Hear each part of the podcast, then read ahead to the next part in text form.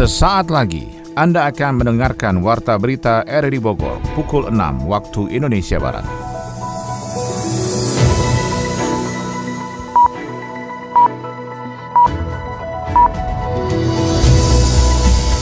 Selamat pagi dan salam jumpa. Kami kembali hadir dalam Warta Berita pagi ini, Rabu 27 Januari 2021. Siaran ini juga dapat Anda dengarkan melalui audio streaming di RRI Play dan juga turut disiarkan Radio Tegar Beriman Kabupaten Bogor, Jawa Barat. Berikut kami sampaikan berita utama. Kasus positif COVID-19 Indonesia tembus 1 juta jiwa. 25.600 dosis vaksin COVID-19 tiba di Kabupaten Bogor. Mungkin hari Kamis kita akan langsung laksanakan kegiatan. Ini udah ada daftar orang yang akan pertama divaksin yaitu Iwan Setiawan. IPB University menyebutkan banjir bandang di Gunung Mas Puncak Bogor diakibatkan longsoran dan batang pohon menutup saluran air sungai. Ini merupakan area kawah purba begitu ya, kawah tua yang sudah tidak aktif. Nah, sehingga memang di sini bahan-bahan induknya piroklastik dan lava yang mudah sekali untuk longsor. Bersama saya Maulana Starto, inilah Warta Berita RRI Bogor selengkapnya. Total kasus konfirmasi positif COVID-19 per Selasa 26 Januari 2021 pukul 12 waktu Indonesia Barat menembus angka 1 juta jiwa, tepatnya 1 juta 12.350 orang. Berdasarkan data dari Satgas Penanganan COVID-19, jumlah tersebut diperoleh dari tambahan kasus baru per 26 Januari, yakni 13.094 kasus positif. Sementara untuk pasien yang sembuh bertambah 10.868 orang, sehingga total keseluruhan pasien pasien COVID-19 yang berhasil pulih sebanyak 820.356 orang. Sedangkan untuk kasus pasien konfirmasi positif COVID-19 yang meninggal hingga kini bertambah 336 jiwa sehingga total 28.468 kematian. Penambahan kasus positif baru per Selasa kemarin paling banyak dilaporkan di Jawa Barat dengan kasus 3.924 kasus, DKI Jakarta 2.314 kasus, Jawa Tengah 1.678 kasus. Sementara Provinsi Jawa Tengah menjadi wilayah dengan kasus meninggal per 26 Januari paling banyak, yaitu 112 jiwa. Diikuti Jawa Timur 74 kematian, DKI Jakarta 46 kematian, dan Jawa Barat 13 kematian. Sebanyak 25.600 dosis vaksin COVID-19 tiba di Dinas Kesehatan Kabupaten Bogor, Jawa Barat kemarin. Vaksin itu nantinya secara simbolik akan disuntikan kepada Wakil Bupati Bogor, Ketua Komisi 4 DPRD, serta tokoh lintas agama dan ASN di lingkup pelayanan pemerintah daerah pada hari Kamis 28 Januari di Puskesmas Cimandala, Sukaraja, Kabupaten Bogor. Laporan mengenai kedatangan vaksin COVID-19 dan rencana dimulainya vaksinasi COVID-19 di Kabupaten Bogor disampaikan Yov Yofri Haryadi.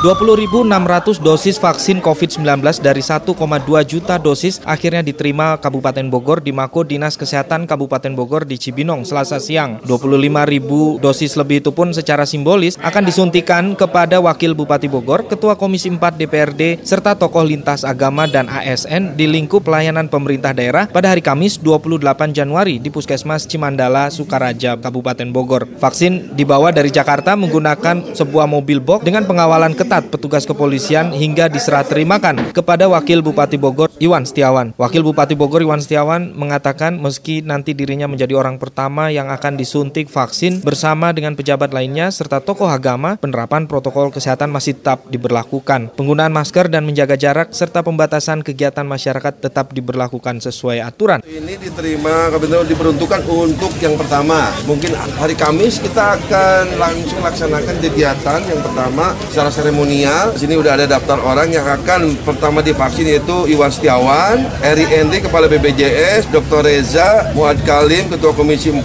DPRD, Kiai Taki dari perwakilan MUI, tokoh agama Buddha Arya Prasetya dari Konghucu, WS Haryanto dari Hindu Igu Murah Jelantik, dari Protestan Pendeta Febrianto dan juga dari Katolik Romo Suradi itu sebagai simbolik yang akan diperiksa dan juga 12 1.800 tenaga kesehatan. Serentak pada hari Kamis. Sementara tingkat okupansi rumah sakit untuk pasien COVID-19 di Kabupaten Bogor sudah di angka 86 persen. Jumlah tersebut diakui Bupati Bogor Adi Yasin sudah di atas ambang batas yang direkomendasikan WHO. Dengan kata lain, pandemi COVID-19 di Kabupaten Bogor belum selesai. Bahkan pemerintah menambah jumlah fasilitas isolasi mandiri bagi OTG dan ODP di Kabupaten Bogor. Rumah sakit itu sudah 86 persen. Artinya gini, kalau di rumah sakit penuh, antrian banyak, yang sudah CT-nya rendah atau sudah tidak tidak uh, berbahaya lagi, bisa dipindahkan ke sini. Jadi yang sudah ringan atau sudah sembuh tapi masih positif, pindahkan ke sini sehingga rumah sakit bisa uh, diisi oleh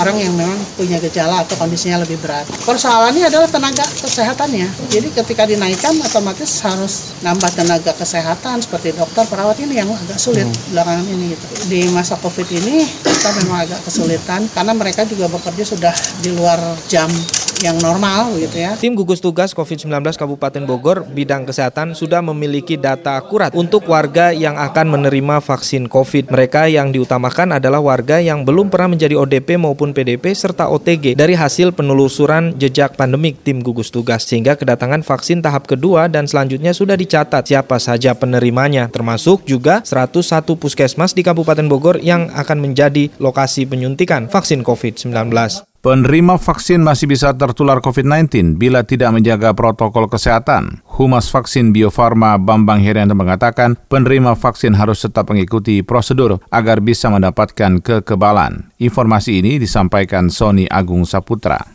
Proses penyuntikan vaksin COVID-19 dari Sinovac asal negeri Cina masih terus berlangsung di kota dan Kabupaten Bogor. Untuk kota Bogor, penyuntikan itu sudah berlangsung kepada sekitar 2.000 tenaga kesehatan dari total sekitar 9.000 vaksin yang sudah berada di gudang dinas kesehatan setempat. Sedangkan untuk Kabupaten Bogor, distribusi vaksin itu sudah sampai ke lokasi dinas kesehatan sebanyak 25.600 dosis vaksin untuk menjadi salah satu cara mengakhiri pandemi COVID-19.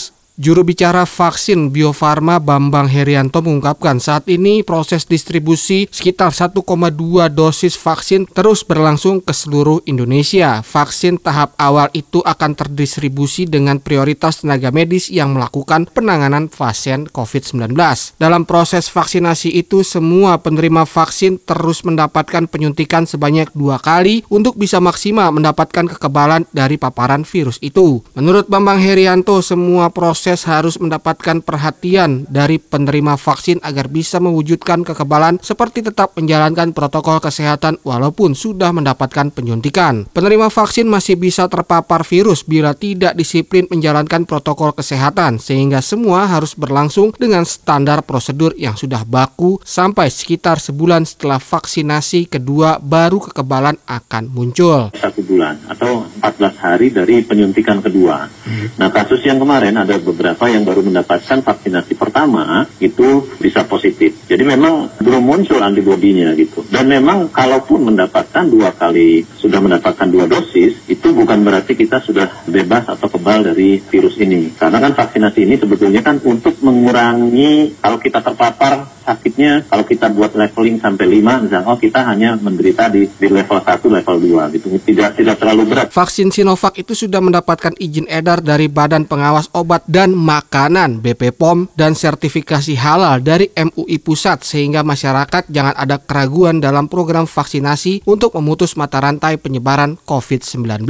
Pemerintah mulai 26 Januari kemarin kembali memperpanjang pembatasan pemberlakuan kegiatan masyarakat PPKM Jawa Bali. PPKM Jilid 2 ini berlaku hingga 8 Februari 2021. Ketua Komite Penanganan COVID-19 dan Pemulihan Ekonomi Nasional Langga Hartarto menyebutkan bahwa keputusan itu diambil karena dalam dua pekan pemberlakuan PPKM Jawa Bali sebelumnya, kasus mingguan COVID-19 masih meningkat. Selain itu, tingkat kematian naik dan angka kesembuhan pasien COVID-19 di sejumlah daerah turun. Mengikuti keputusan pemerintah pusat, pemerintah Kota Bogor memperpanjang PPKM hingga 8 Februari 2021. Ketetapan itu diatur dalam surat edaran Wali Kota Bogor tentang perpanjangan pemberlakuan pembatasan kegiatan pengendalian penyebaran COVID-19 di Kota Bogor. Kepala Bagian Hukum dan HAM Setda Kota Bogor, Alma Wiranta mengungkapkan Kota Bogor mengeluarkan tujuh poin dan secara khusus untuk kegiatan operasional di pusat belanja diperkenankan sampai dengan pukul 20 waktu Indonesia Barat. PPKM akan diawasi dengan ketat oleh Satuan Polisi Pamung Praja Kota Bogor bersama TNI dan Polri di Kota Bogor.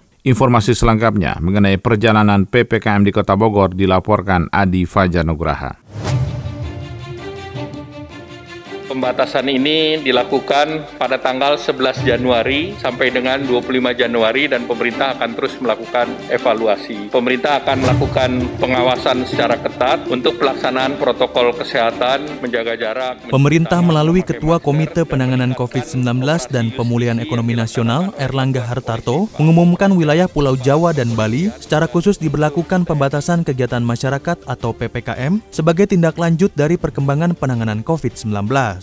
Memang jika dilihat dari data Satgas bahwa kasus COVID-19, khususnya di wilayah Jawa dan Bali, cenderung mengalami peningkatan yang cukup mengkhawatirkan, sehingga pemerintah perlu mengetatkan pembatasan di wilayah tersebut. Kota Bogor, Jawa Barat menjadi salah satu wilayah yang melaksanakan PPKM sesuai dengan arahan pemerintah pusat yang diterapkan sejak tanggal 11 Januari lalu. Kabak Hukum dan HAM Setda Kota Bogor, Alma Wiranta menjelaskan, pada prinsipnya penerapan PPKM bukan barang baru di Kota Bogor, sebab sebelumnya Pemkot telah menerapkan pembatasan sosial berskala mikro dan komunitas atau PSBMK yang secara umum serupa dengan PPKM. PPKM yang saat ini diterapkan secara spesifik mengatur protokol kesehatan secara ketat di tempat-tempat umum dan dipertajam dengan pembatasan mobilitas masyarakat dalam beraktivitas sehari-hari. Kalau di Kota Bogor, sebenarnya pemberlakuan ini sudah berjalan sebagaimana mestinya karena kita punya kebijakan yang disebut dengan PSBMK. Jadi pembatasan sosial berskala mikro dan komunitas. Yang ditekankan di dalam kegiatan PPKM ini saya melihat ada pada kategori protokol kesehatan 5M bahwa saat ini ditambah dengan menghindari kerumun dan membatasi mobilitas. Itu yang membedakan daripada PSBB pada umumnya. Dalam penerapan PPKM, pemerintah Kota Bogor berkolaborasi dengan seluruh unsur Forkopimda, termasuk dengan Poresta Bogor Kota dan Kodim 0606 Kota Bogor. Wali Kota Bogor Bima Arya mengatakan, seluruh jajaran Forkopimda akan turun ke lapangan, mengecek dan mengawasi implementasi PPKM di seluruh sektor. Seperti halnya dengan pembentukan Satgas khusus yang diinisiasi oleh Kapolresta Bogor Kota Kombes Pol Susatyo Purnomo Chondro. Bergerak serempak untuk memastikan pesannya sampai ke publik bahwa ada yang berbeda. Dan Pak Kapolres baru ini membuat gebrakan ada Satgas khusus ya. Satgas khusus yang fokusnya nanti ke pusat perbelanjaan, pusat kuliner, dan perkantoran. Sementara itu Kapolresta Bogor Kota Kombes Pol Susatyo Purnomo Chondro mengajak seluruh pelaku usaha dan masyarakat untuk lebih mematuhi protokol kesehatan. Pihaknya juga secara rutin akan melakukan patroli pengawasan di seluruh sektor yang menjadi potensi penyebaran COVID-19.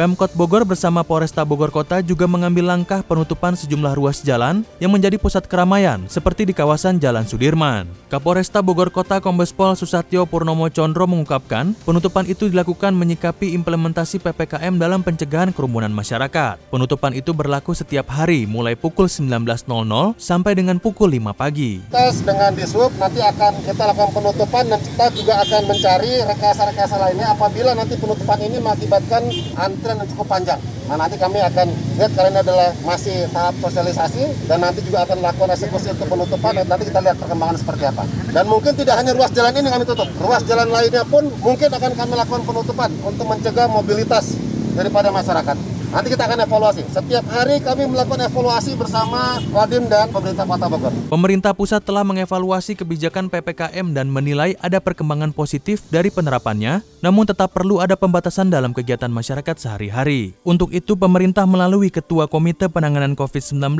dan Pemulihan Ekonomi Nasional, Airlangga Hartarto, memperpanjang kebijakan PPKM mulai 26 Januari hingga 8 Februari 2021. Airlangga mengungkapkan, terdapat poin yang berbeda dalam perpanjangan PPKM kali ini, utamanya pada sektor jam operasional pusat perbelanjaan. Ada perubahan yaitu di sektor mall dan restoran, di mana mall dan restoran yang dalam perbatasan kemarin maksimal jam 7, nah karena ada beberapa daerah yang agak flat, maka ini dirubah menjadi sampai dengan jam 8 malam. Jadi yang lainnya tetap, yaitu perkantoran tetap 75% work from home, kemudian belajar mengajar tetap secara daring, sektor esensial termasuk industri tetap 100% beroperasi, dan dine-in 20 25%, take away diizinkan, kegiatan lain konstruksi tetap berjalan, kegiatan ibadah 50%, fasilitas umum ditutup, kemudian tentunya terkait dengan transportasi diatur oleh masing-masing pemerintah daerah.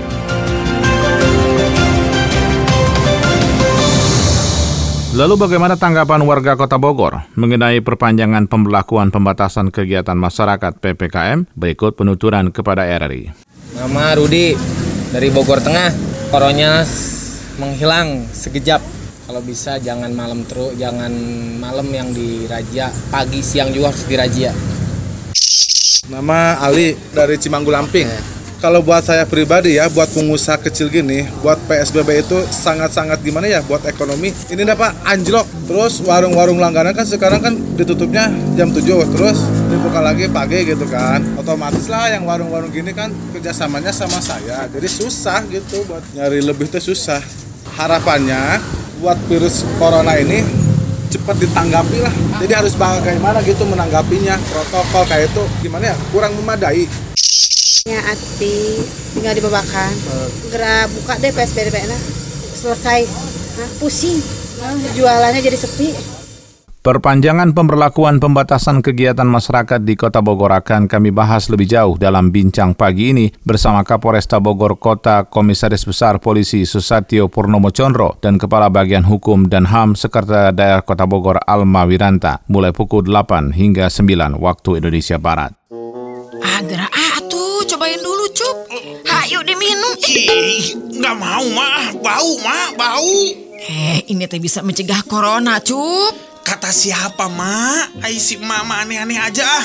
Ya kata emak tuh. Ah, mak mah tambah ngaco wae. Kalau mau terhindar dari corona, yang penting mah tuh pinter-pinter jaga diri. Pakai masker, jaga jarak, dan jaga kebersihan tangan, mak. Padahal mak-mak teh mau bisnis obat corona cup. Ye, udah deh. Jangan coba-coba. Emak mah jualan gincu aja sana. Pakai sosokan jualan obat corona.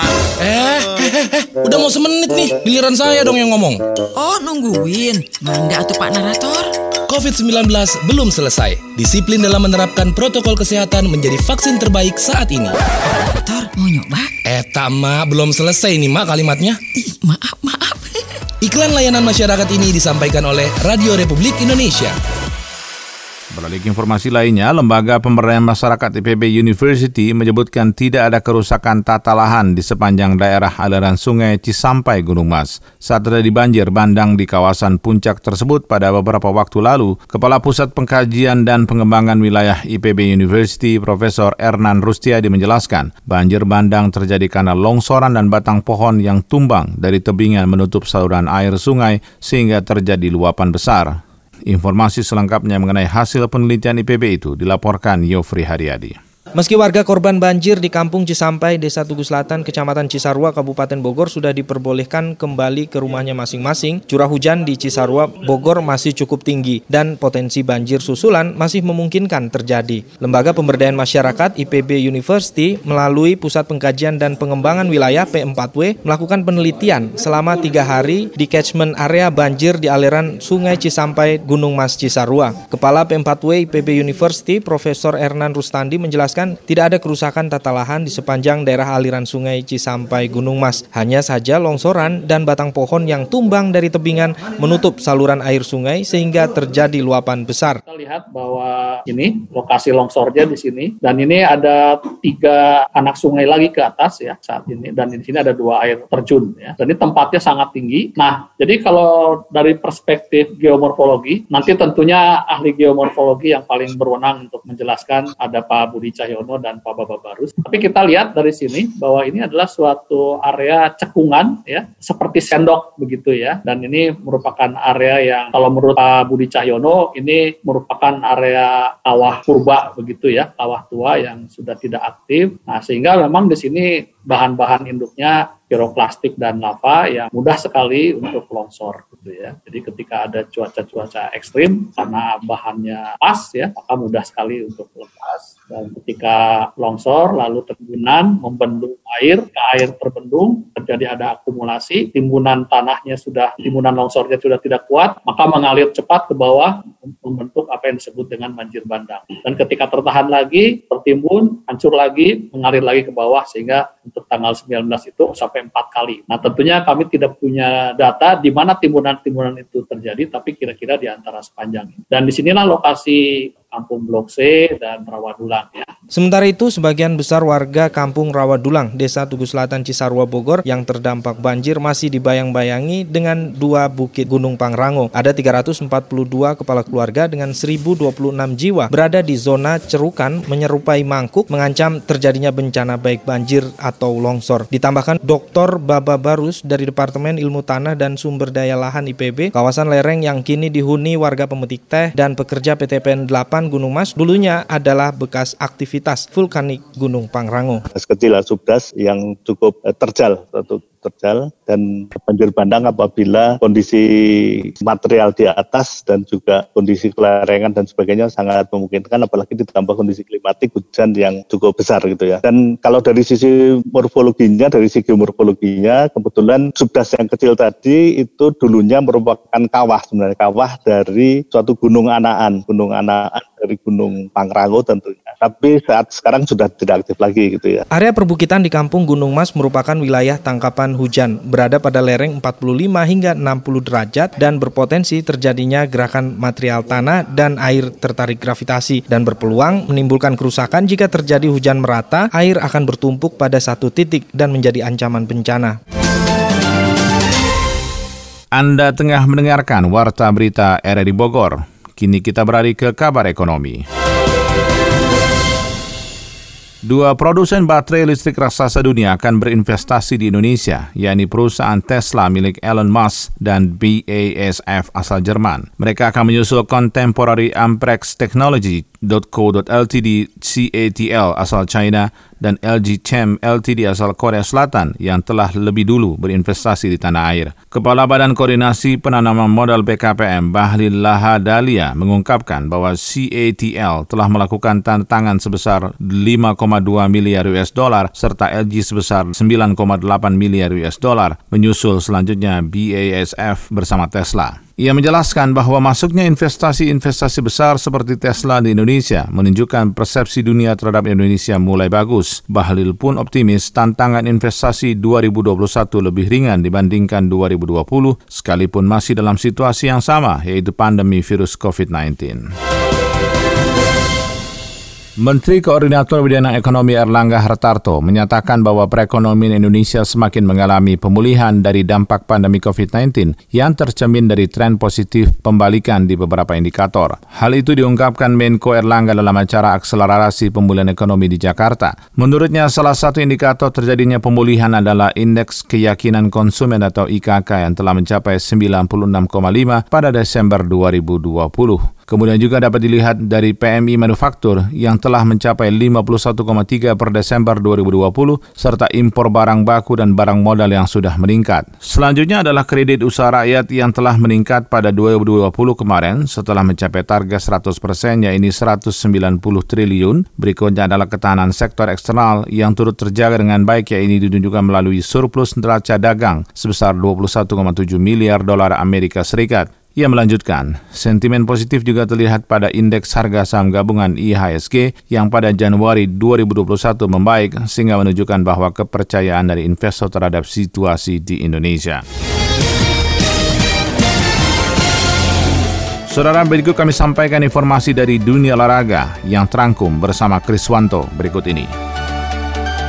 Antoni Sinisuka Ginting dan Praven Jordan melatih Deva Oktavianti masuk ke grup neraka pada ajang BWF World Tour Finals. Undian grup BWF World Tour Finals dihelat di Bangkok, Thailand selaku tuan rumah selasa siang waktu Indonesia Barat. Ginting sebagai satu-satunya wakil Indonesia dari sektor tunggal putra tergabung di grup A bersama tiga pemain yang masuk 10 besar ranking dunia. Tiga pemain itu adalah Victor Axelsen dari Denmark, Cho Tien Chen dari Taiwan, dan Li Zijia dari Malaysia. Victor Axelsen menjadi tunggal putra terkuat di grup A setelah dalam dua pekan terakhir sukses menjadi juara Thailand Open 1 dan Thailand Open 2. Di sisi lain, Cho Tien Chen dan Li Zijia tentu juga tidak bisa diremehkan karena keduanya saat ini berstatus tunggal putra terbaik dari negara masing-masing. Dengan lawan yang harus dihadapi di grup A, perjuangan Ginting untuk melangkah ke semifinal BWF World Tour Finals tentu sangat berat. Terlebih lagi, Ginting nyaris tidak lolos ke BWF World Tour Finals setelah gagal total di Thailand Open 1 dan Thailand Open 2. Sama seperti Ginting, pasangan ganda campuran Indonesia Praven Melati juga harus berjuang ekstra keras untuk lolos ke semifinal ganda campuran BWF World Tour Finals. Praven Melati tergabung di grup A bersama Marcus Ellis, Lauren Smith dari Inggris, Decapel Puavana Rukro, Sapsire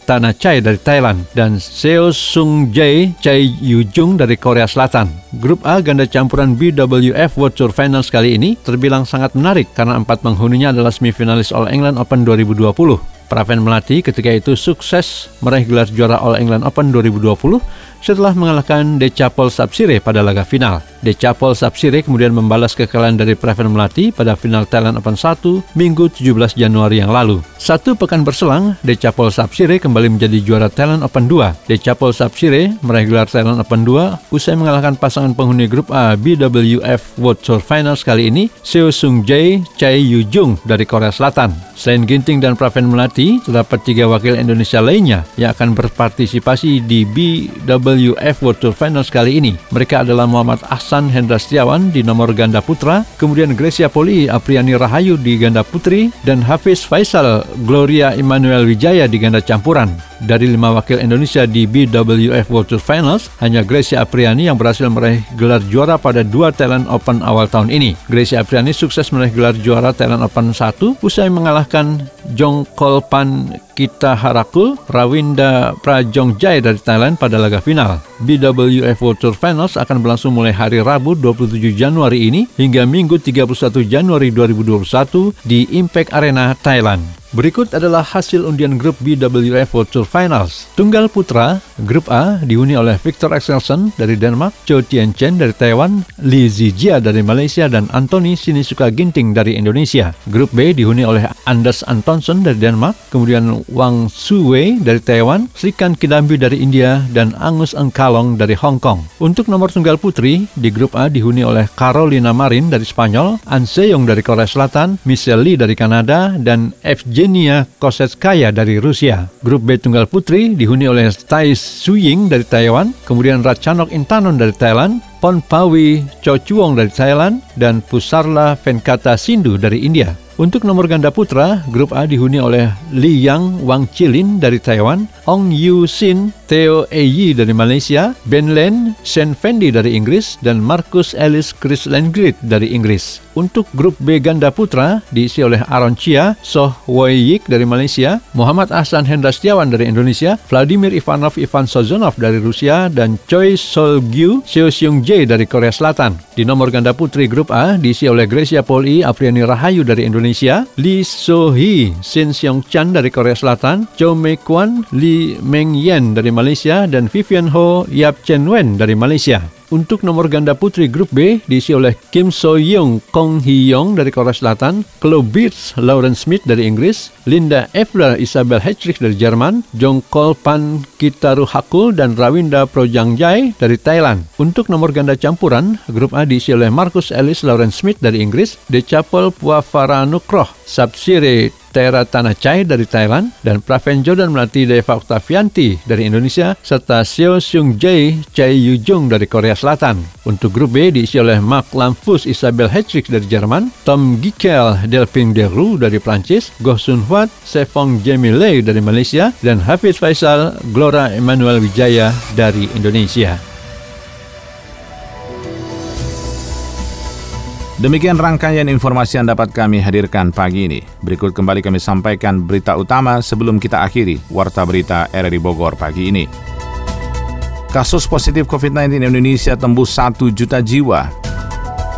25.600 dosis vaksin COVID-19 tiba di Kabupaten Bogor.